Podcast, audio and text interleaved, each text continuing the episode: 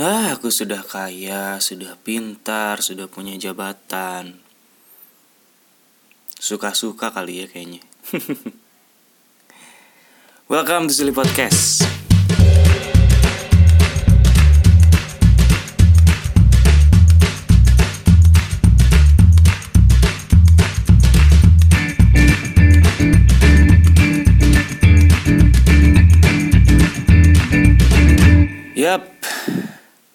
Selamat datang di di bulan Agustus, eh, bulan yang mungkin sangat bersejarah buat negara ini karena ini bulan di mana eh, kita mendapatkan kemerdekaan, betul? Dan perjuangan untuk kemerdekaan itu juga bukan hal yang mudah, bukan satu dua tahun, bukan hitungan jari lah bisa dibilang. Kita dijajah oleh Belanda 350 tahun kalau tidak salah. Lalu dilanjutkan dengan Jepang tiga setengah tahun. Jadi totalnya kita dijajah sekitar 353 tahun setengah. Tapi dulu ini ya.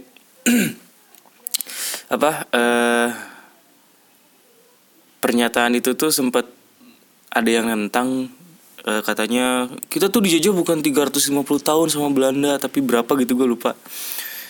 Eh, dan itu sempat jadi ramai banget karena eh, jadi mengesankan bahwa ilmu yang kita pelajari di sekolah yang kita baca dari buku-buku yang diterbitkan oleh penerbit-penerbit handal gitu kan penerbit-penerbit yang sudah terpercaya gitu yang selalu dipakai oleh setiap sekolah eh, dengan alasan kerjasama itu ternyata isinya bohong tapi ya entahlah ya yang namanya sejarah juga kita nggak tahu. Dan ya bukan bukan berarti kita harus memperdebatkan hal itu tapi jadikan hal itu juga sebagai eh, cerminan juga bahwa mau berapapun lamanya kita dijajah yang namanya kita dijajah itu eh, nggak enak. Dan ketika kita sudah merdeka itu ya berarti ada eh, achievement yang kita dapat gitu kan. Ada sesuatu yang kita raih dengan hasil keringat kita sendiri. Cie. Di awal aja udah puitis banget anyway gue mau sedikit cerita dulu tentang eh, beberapa hari ke belakang tuh gue ngerasa alhamdulillah banget banyak eh, dikasih something yang unpredictable sama eh, Tuhan sama Allah. Gua dapat eh, kesempatan siaran di salah satu radio swasta di Bandung. Gua dapat kesempatan ketemu sama teman lama gua yang sekarang dia udah jadi CEO, jadi founder gitu kan. Sedangkan gua masih jadi kacung kampret. Terus gua dapat kesempatan berbagi ilmu juga sama dia gitu kan. Eh, dan banyak sih masih banyak banget hal-hal lain yang unpredictable yang sifatnya positif yang gue dapat tapi eh, ya mungkin beberapa ada yang sifatnya personal juga dan gue ngerasa eh akhir-akhir ini tuh gue lagi dihadapkan dengan banyak situasi yang eh membuat diri gue pribadi sendiri merasa eh saatnya gue naik kelas gitu. Karena banyak orang-orang di sekitar gue yang udah naik kelas duluan. Naik kelas ini sendiri yang gue maksud bukan tentang kelas sosial kelas ekonomi kelas karyawan. Bukan itu ya bukan. Tapi eh kita tuh berhasil naik satu langkah atau beberapa langkah dari fase hidup kita menjadi manusia yang lebih baik lagi gitu loh. Dan gua ngerasa sebenarnya eh setahun terakhir ini tuh eh, apa ya? Ya gue ngerasa nggak terlalu banyak hal signifikan yang berubah dari diri gua gitu. Ya karena gue ngeliatnya dari, dari diri gue sendiri kali ya entah kalau dari orang lain. Gue ngerasa ya sebenarnya eh gue belajar sesuatu tapi gue belum sampai di titik di mana gue naik kelas. Dan ternyata banyak banget orang-orang di sekitar gue yang udah naik kelas. Terutama di circle gue sendiri yang uh, teman deket gue yang sahabat gue yang uh, mantan gue atau mantannya teman gue gitu kan. Mereka udah uh, reach something gitu di hidupnya. Sedangkan gue ngerasa kok gue masih di sini aja gitu. Cuma yang jadi menarik adalah ternyata ada beberapa hal yang menurut gue bisa jadi cringe gitu kan. Bisa jadi apa sih ini orang? gitu setelah dia naik kelas gitu loh. Yang bahkan kadang gue sendiri pun tidak sengaja melakukan hal itu ketika dulu gue uh, masuk di fase-fase uh, gue merasa gue udah naik kelas gitu loh. Dan ya inilah materi kita malam ini. Kita bakal ngebahas tentang beberapa kesalahan yang dilakukan seseorang ketika dia naik kelas. Jadi awalnya gini. Kenapa gue tertarik buat ngangkat hal ini tuh awalnya nih ya awalnya gue lagi nunggu uh, siaran waktu hari minggu kemarin.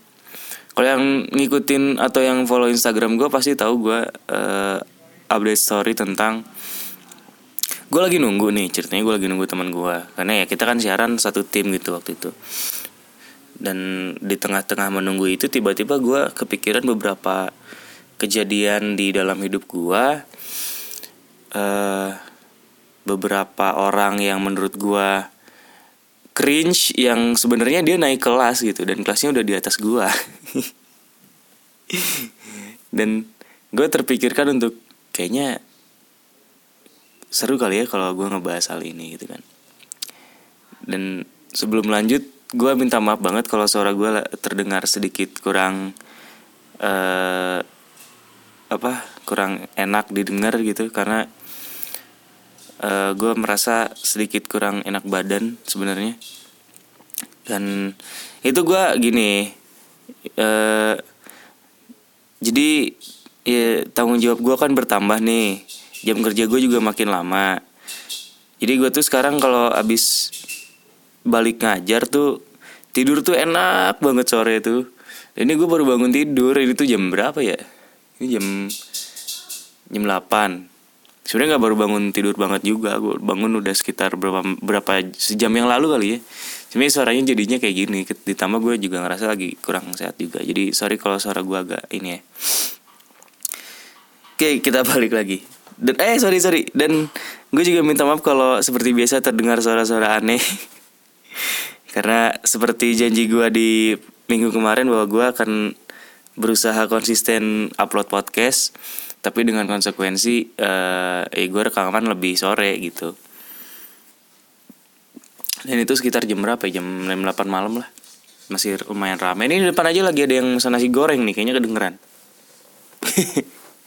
Jadi sorry ya. Anyway kita balik lagi. Jadi uh, ketika gue memikirkan tentang tema-tema uh, itu yang gue sempat post di Instagram lalu uh, yang kita bahas malam ini gue tuh tiba-tiba kepikiran tentang beberapa orang di circle gue yang secara uh, fase hidup dia udah naik kelas dari gue gitu kan. Tapi kelakuannya malah bikin gue cringe gitu malah bikin gue ini orang apa sih? gitu kan. Apaan sih lu? gitu. Jadi ya gitulah gitu. Lu ngerti lah maksud gue ya dan ya gue membahas ini bukan berarti gue membuka aib orang lain nih. Dan ya sebenarnya ini udah masuk gibah juga tapi ya udahlah ya. Karena kalau nggak gibah gue nggak bikin konten dong. Jadi ya mau gimana lagi?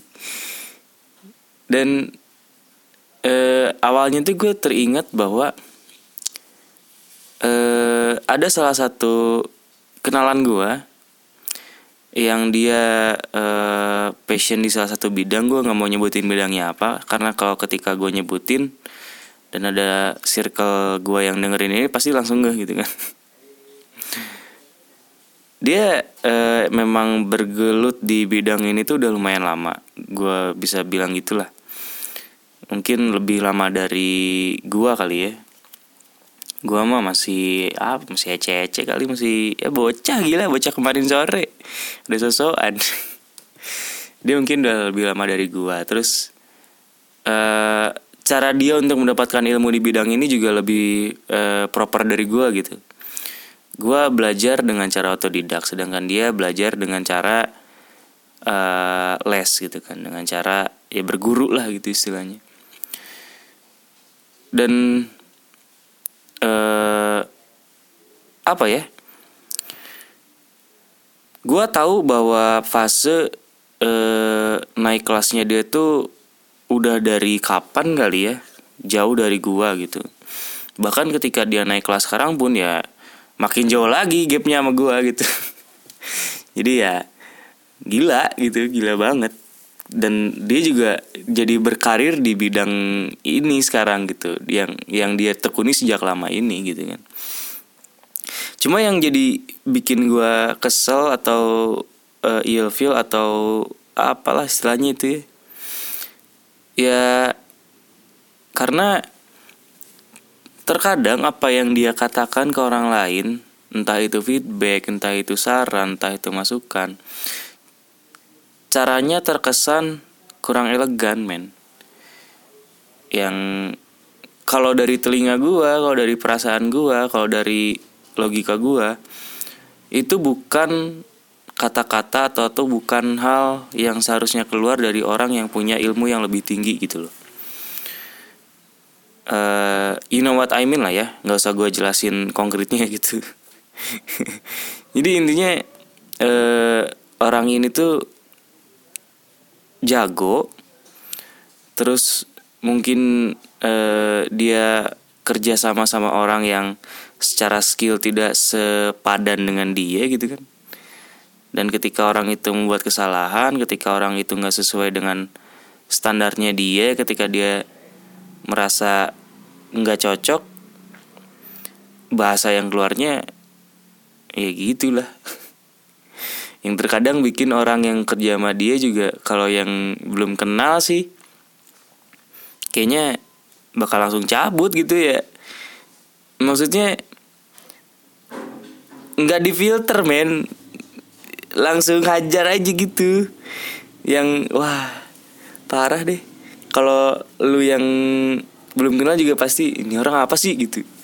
Itu posisi dia e, udah naik kelas gitu kalau menurut gue jadi mungkin kesalahan orang yang pertama ketika dia naik kelas adalah dia memandang rendah orang lain yang tidak sekelas dengan dia.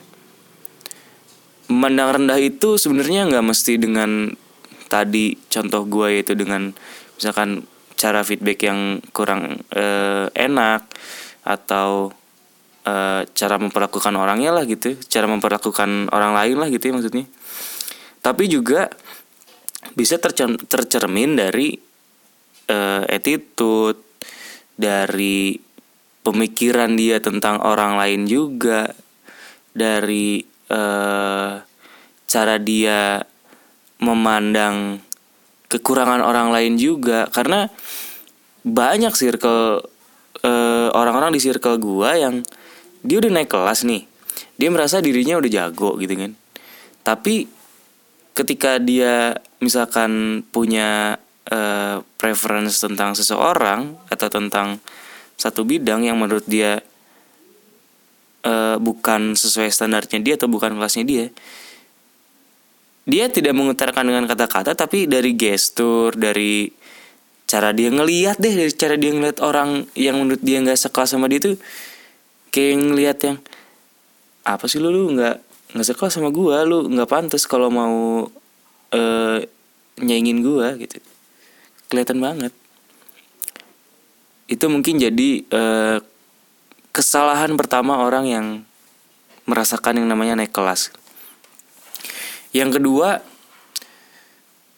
menurut gue adalah uh, kesalahan orang ketika dia naik kelas itu dia jadi lupa proses uh, di mana awal dia merangkak sampai mencapai satu standar tertentu gitu.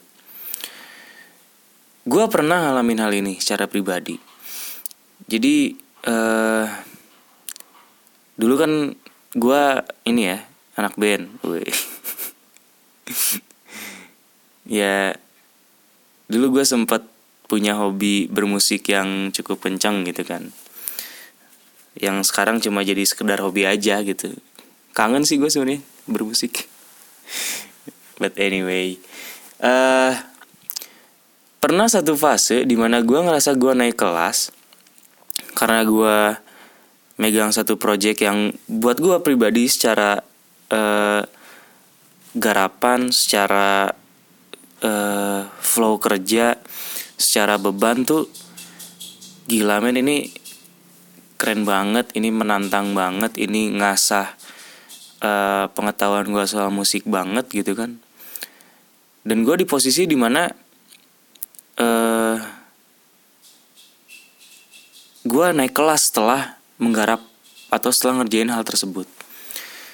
Nah setelah itu jeleknya orang yang naik kelas menurut gue adalah star syndrome.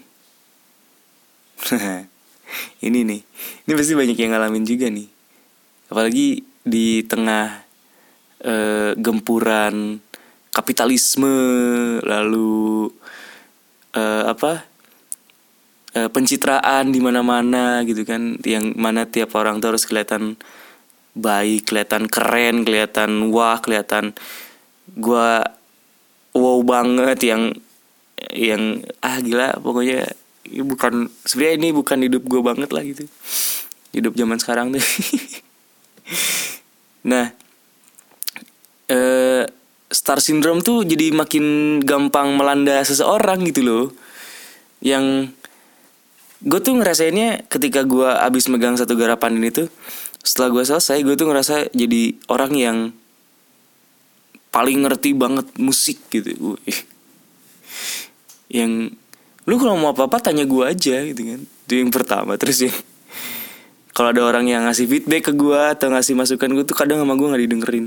Itu tuh wah parah banget sih menurut gue parah banget itu fase terparah dalam hidup gue kayaknya. Jadi orang yang congkak dan jadi orang yang jumawa gitu.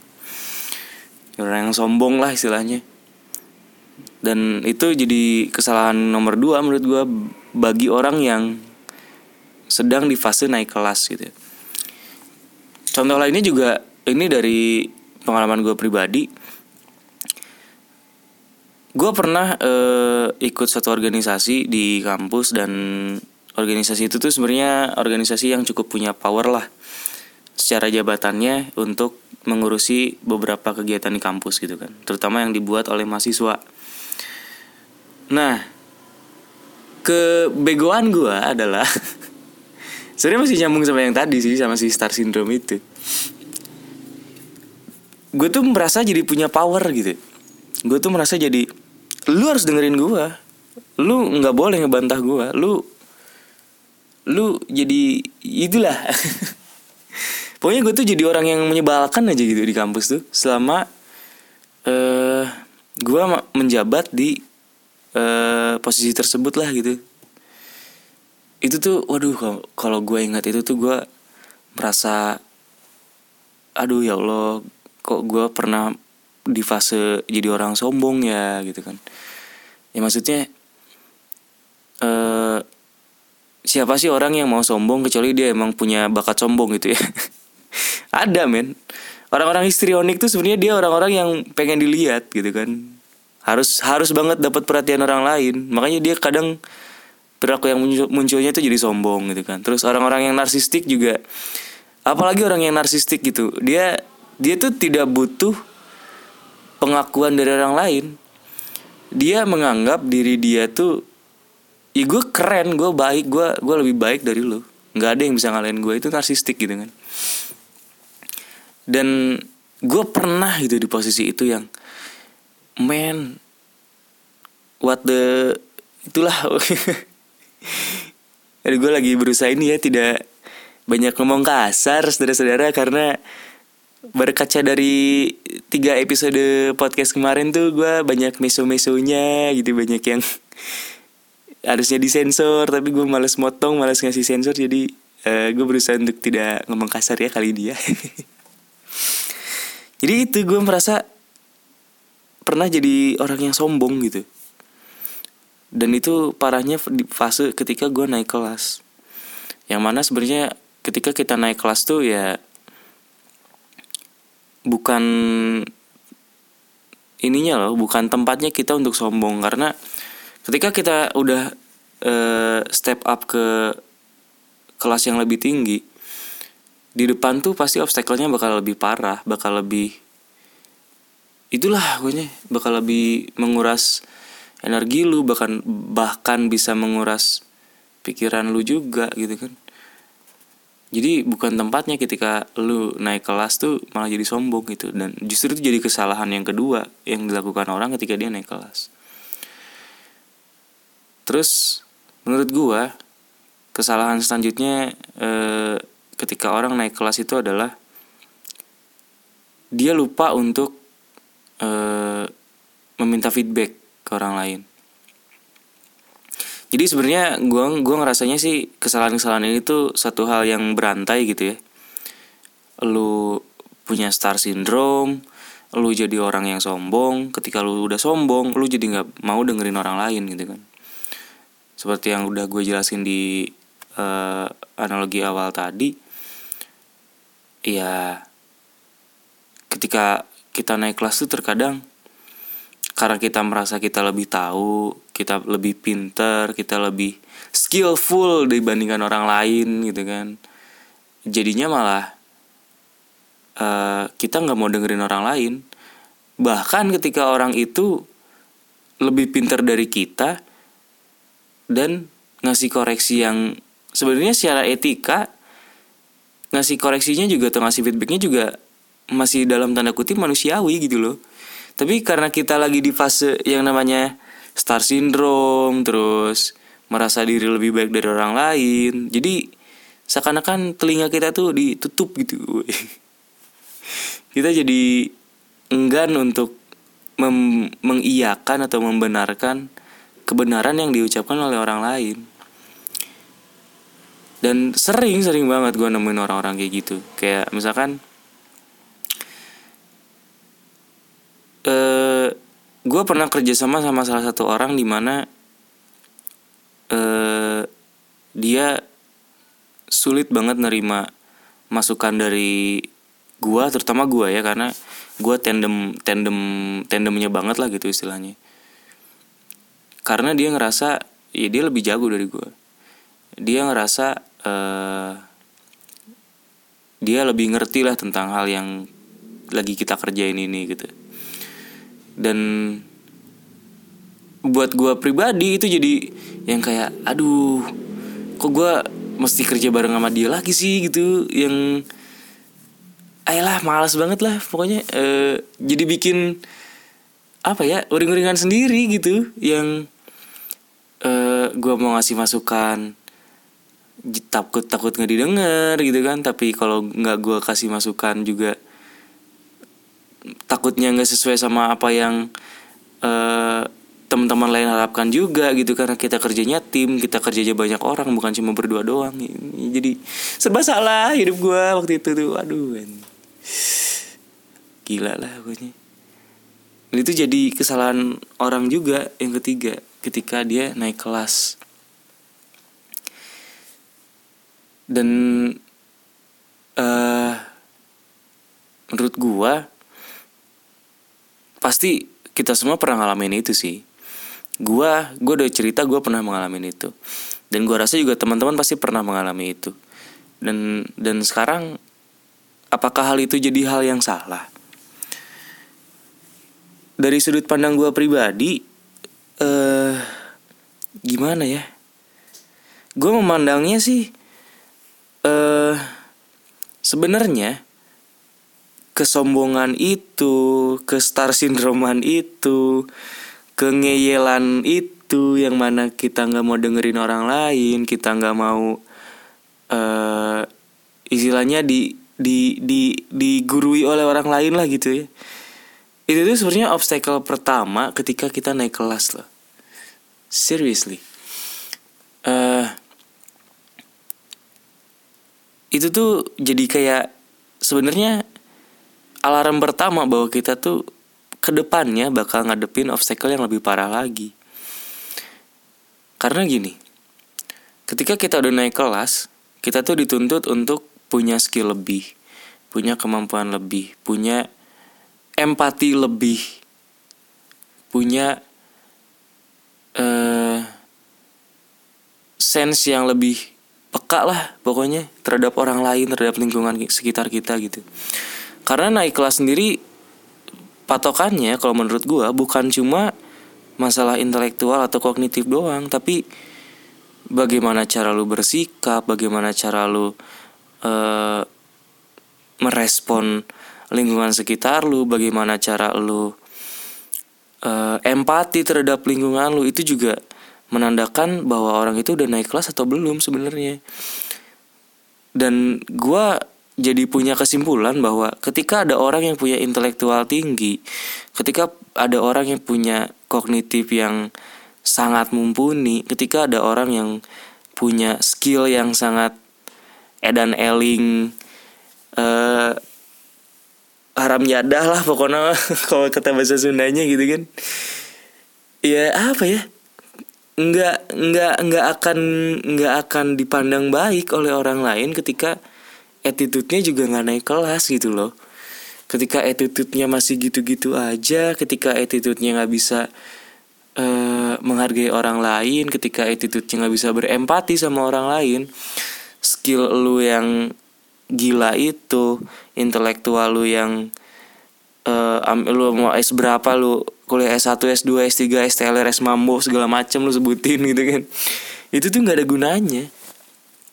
Jadi uh, kesombongan itu adalah alarm untuk kita uh, harusnya back on track lagi, bukan uh, memaksakan diri untuk tetap di track yang ini karena kita udah naik kelas dan bertahan dengan attitude yang seperti itu gitu loh. Karena percuma lu bakal dipandang orang yang gak berkelas ketika attitude lu tidak menunjukkan kelas lu.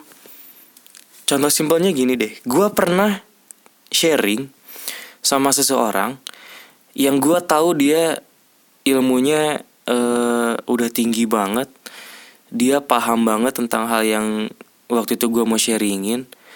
Dia uh, udah tahu seluk beluknya karena dia udah bekerja di bidang itu selama bertahun-tahun tapi ketika di ketika uh, gua sharing sama dia dia memposisikan diri sejajar dengan gua men. Dia memposisikan diri gua datang dengan gelas yang kosong ke dia. Dan dia juga menerima gua dengan gelas yang kosong. Jadi kita tuh bawa gelas yang kosong bareng-bareng.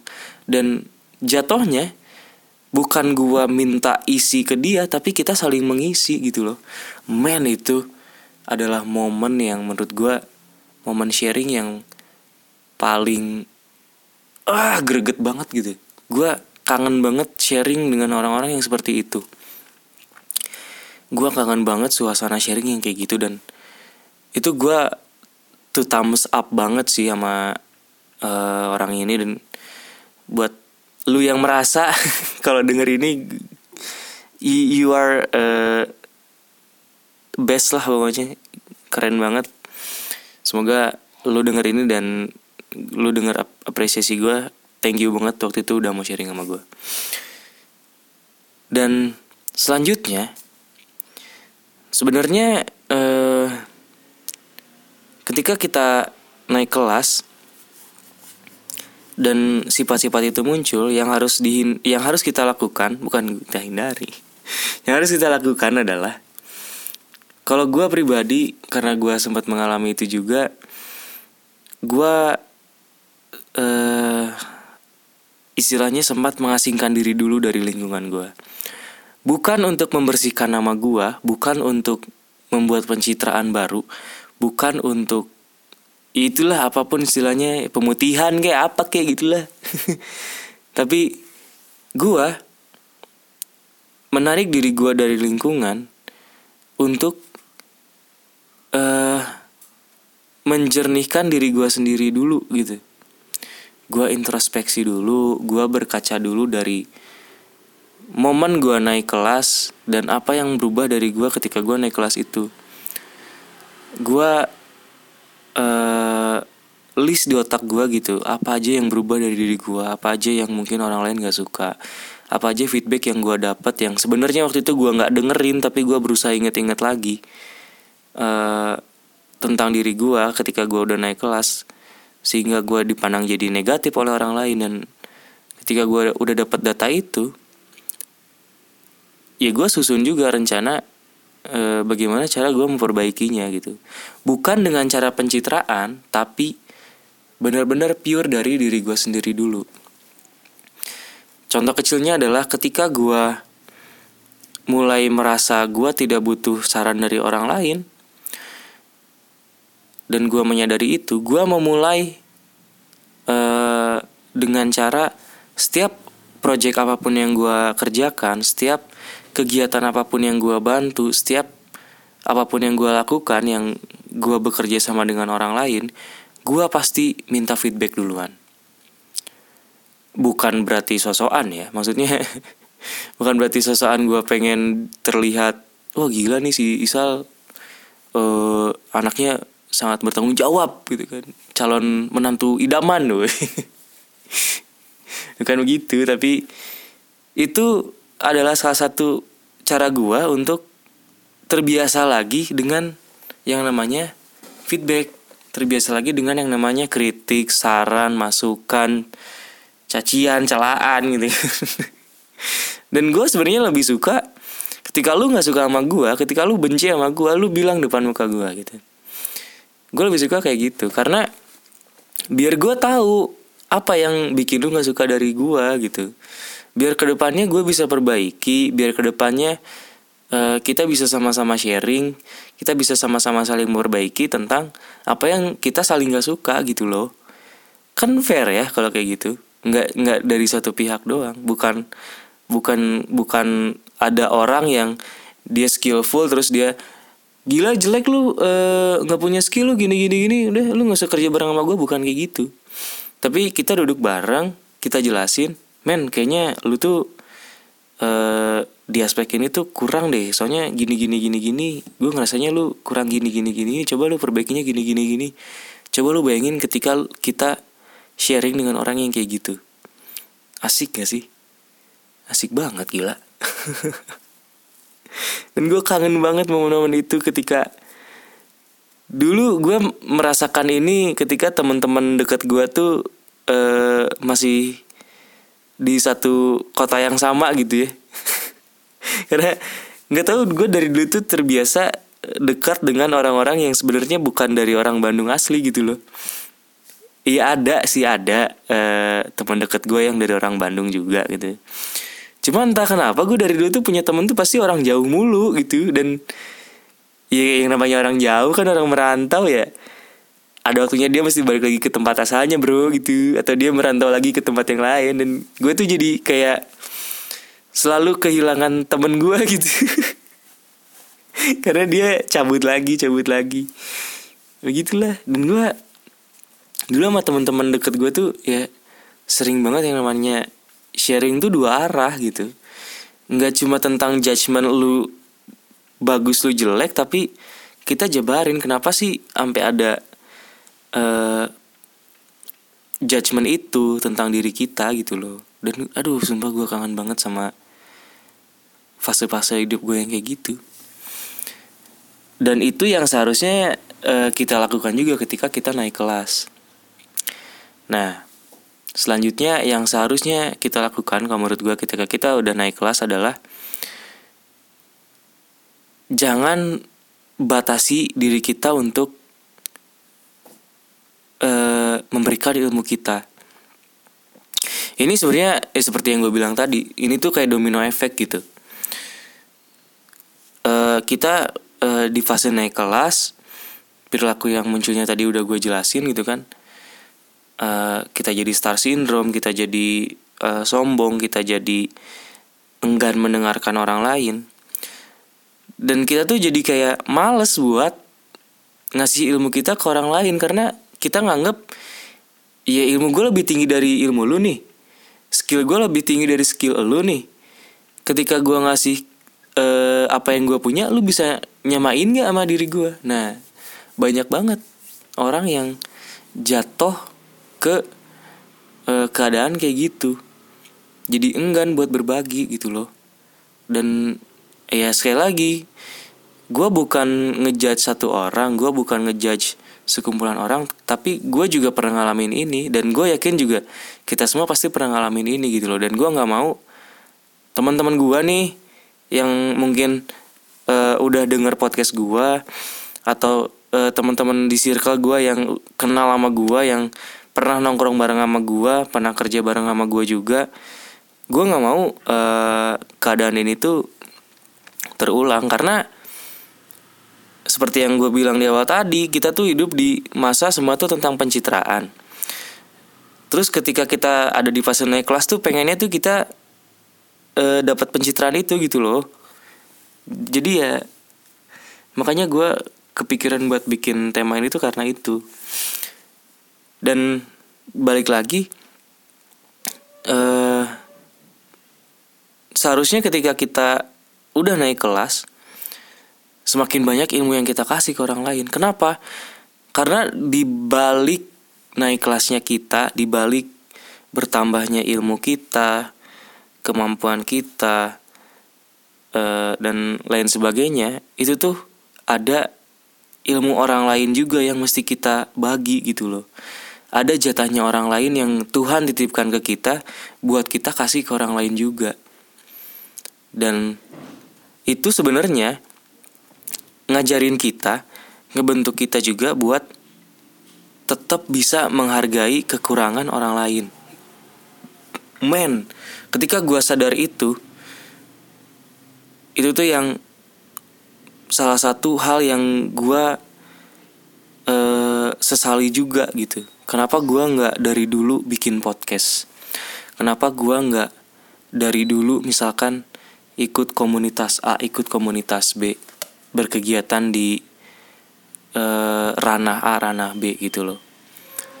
Jadi uh, mungkin buat teman-teman gue yang sekarang denger, ketika lu merasa diri lu udah uh, punya ilmu lebih, jangan lupa buat dibagi karena itu tuh apa ya? Kalau gue ngerasanya tuh sekarang ketika kita punya ilmu dan kita sharing sama orang lain, dan orang lain itu ngerasa ilmu yang kita kasih itu bermanfaat buat dia man itu priceless banget. Itu priceless banget. Nggak akan kebayar sama yang namanya duit sama harta sama apa pun yang dikasih itu nggak akan kebayar lah. Perasaannya itu beda gitu. Ketika misalkan lu ngasih materi di satu kuliah umum terus lu dibayar sama lu bener-bener lu cuma modal duduk doang berapa orang di tempat ngopi gitu misalkan. Terus lu sharing hal-hal yang lu hadapi ilmu yang lu punya ilmu yang udah lu cari sekian lama terus lu bagi ke teman-teman lu juga. Atau ke misalkan ke orang-orang yang mungkin kurang punya akses untuk mendapatkan ilmu itu tuh rasanya beda men. Beda banget. Bahagianya itu beda. Jadi uh, mungkin itu salah satu cara juga kali ya buat kita tetap bisa menghargai orang lain di tengah kita uh, step up ke fase selanjutnya gitu loh. Dan ya menurut gue itu keren banget sih untungnya gue pernah ada di fase itu jadi gue bisa nge-share ini ke teman-teman semua. Dan gue harap juga teman-teman bisa ngelakuin hal yang sama gitu loh. Ketika kita punya ilmu jangan disemut buat di sini sampai belibet gue saking semangatnya. Ketika kita punya ilmu jangan disimpan buat diri kita sendiri tapi bagi juga buat orang lain. Cuma yang masih diwaspadai adalah cara berbaginya yang tetap harus elegan tetap harus uh, ya jangan sampai menyenggol harga diri orang lain lah gitu. Karena ya manusiawi sih. Ketika kita naik kelas dalam bentuk apa pun eh, diri kita tuh bakal memandang diri diri kita tuh bakal menghargai diri kita tuh lebih gitu. Jadi gini di konsep psikologi itu ada yang namanya self esteem self esteem itu adalah eh, keadaan di mana individu memberikan penghargaan terhadap dirinya sendiri jadi bagaimana dia melihat e, dirinya sebagai seorang individu gitu. Bagaimana cara kita, cara gua melihat diri gua sendiri. E, orang dengan self esteem yang baik, yang ideal, dia akan memandang bahwa oke okay, gue bisa melakukan ini, gue e, pantas untuk menerima ini, dan ketika dia dihadapkan dengan e, obstacle pun, dia bisa mengukur diri dia sendiri loh gitu. Dan uh, bahayanya ketika self esteem orang itu terlalu tinggi ya itu tadi yang gue sebutin sombong lah star syndrome lah gitu kan nggak mau dengerin orang lain lah gitu loh dan ya ketika terlalu rendah pun ya jadi uh, dia punya konsep diri yang cenderung negatif. Contohnya kayak misalkan ah gila gue ngapain sih gue hidup? Gitu kan. Ngapain gue tetap ngerjain ini? Lagian juga nggak ada yang ngargain gua gini-gini. Gitulah kurang lebihnya ya.